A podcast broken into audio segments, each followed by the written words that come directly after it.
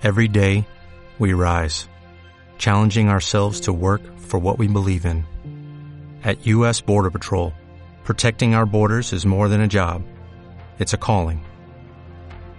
Agents answer the call, working together to keep our country and communities safe.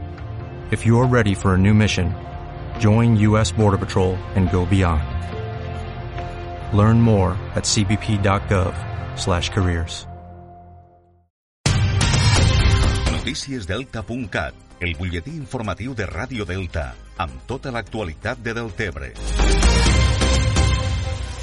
L'Ajuntament de Deltebre disposa actualment de 92 expedients oberts per requeriments a propietaris de solars en mal estat o abandonats per tal que procedeixen a fer-ne la neteja i el corresponent manteniment. Amb el retorn progressiu a la normalitat després de la Covid-19, l'Ajuntament està posant especial èmfasi en la necessitat que els propietaris mantinguen les propietats en bon estat per no causar problemes d'higiene i de salubritat. L'Ajuntament de Deltebre disposa anualment d'una partida de 40.000 euros per a actuar en aquells casos més greus de solars bruts i que poden suposar un problema de salubritat. En estos casos, que poden posar en perill la salut dels veïns i veïnes, des de l'Ajuntament de Deltebre realitza la neteja de solar via execució subsidiària i posteriorment es genera el recàrrec al propietari. Durant aquest any s'han efectuat ja 8 neteges subsidiàries de solars en molt mal estat. El tinent d'alcaldia de Deltebre Territori, Francisco Castro, insisteix que s'actua sempre després d'un requeriment al propietari i ha recordat que molts dels casos en els que s'ha d'actuar es tracta de solars i finques en mans d'entitats bancàries. Eh, hi ha molt de solar que és propietat de bancs i propietat de promotores immobiliàries que moltes pues, estan desaparegudes des del 2007-2008 i bueno, d'alguna manera el que fem és eh, per intentar salvar el greuge del, del ciutadà que denuncia que té un solar al costat que està en males condicions, pues s'inicia un procediment d'execució subsidiària L'Ajuntament recorda que la ciutadania també pot donar a conèixer l'estat dels solars presentant una instància o una queixa.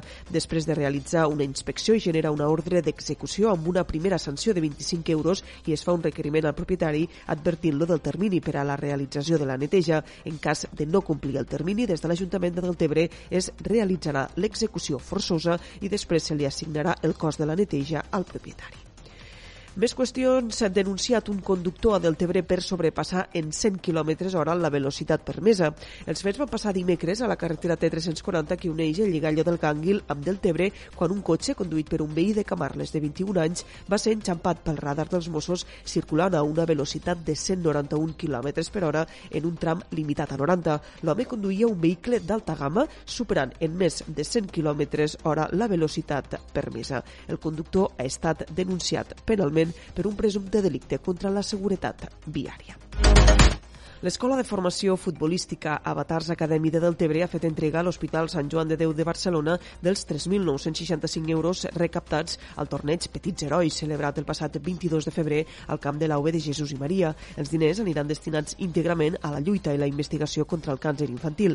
El director d'Avatars Acadèmia, Aleix Frank, ha destacat que la xifra de recaptació d'enguany ha estat més del doble que la de l'any passat, el que encoratja l'organització a treballar ja en la tercera edició del torneig Petits Herois es van recaudar 3.965 euros de beneficis d'aquest torneig que aniran destinats per a l'Hospital Sant Joan de Déu de Barcelona. Una gran xifra per a nosaltres que suma més del doble dels 1.342 euros aconseguits en la primera edició. Aquest fet ens dona força per seguir i començar a preparar la tercera edició d'aquest torneig tan especial per a nosaltres un cop ens poguéssim posar de nou en contacte amb l'Hospital Sant Joan de Déu, amb els clubs i els equips, quan hagi passat aquesta pandèmia. El torneig Petits Herois va disputar-se el passat mes de febrer al camp de l'AUB de Jesús i Maria i va comptar amb la participació d'equips destacats, com ara el València, el Villarreal, el Llevant, el Castelló, el Cornellà o el Gimnàstic de Manresa, entre d'altres. Més qüestions, els dos mesos de confinament a causa de la crisi de la Covid-19 ha suposat unes pèrdues econòmiques al sector pesquer català de 9 milions d'euros. La recaptació en primera venda a les llotges pesqueres catalanes en el període comprès entre el 13 de març i el 16 de maig ha estat un 50% inferior a la mitjana de l'obtinguda en el mateix període dels 3 anys anteriors. El Departament d'Agricultura està treballant ara perquè s'habiliten ajudes que permeten pal·liar les pèrdues econòmiques del sector. Pel que fa a les modalitats de marisqueig i de pesca professional, tradicional en aigües continentals que constitueixen un tipus d'activitat vital al Delta de l'Ebre, la disminució d'ingressos d'esta modalitat durant el període avaluat ha estat del 69% i xifrat en més de 200.000 euros. Puntualment, com és el cas de la pesca del cranc blau, la frenada de l'activitat pot incidir directament en l'expansió d'esta espècie invasora. Això és tot el que us expliquem per ara. Ja saben que poden continuar informats, com sempre, al portal deltacat.cat.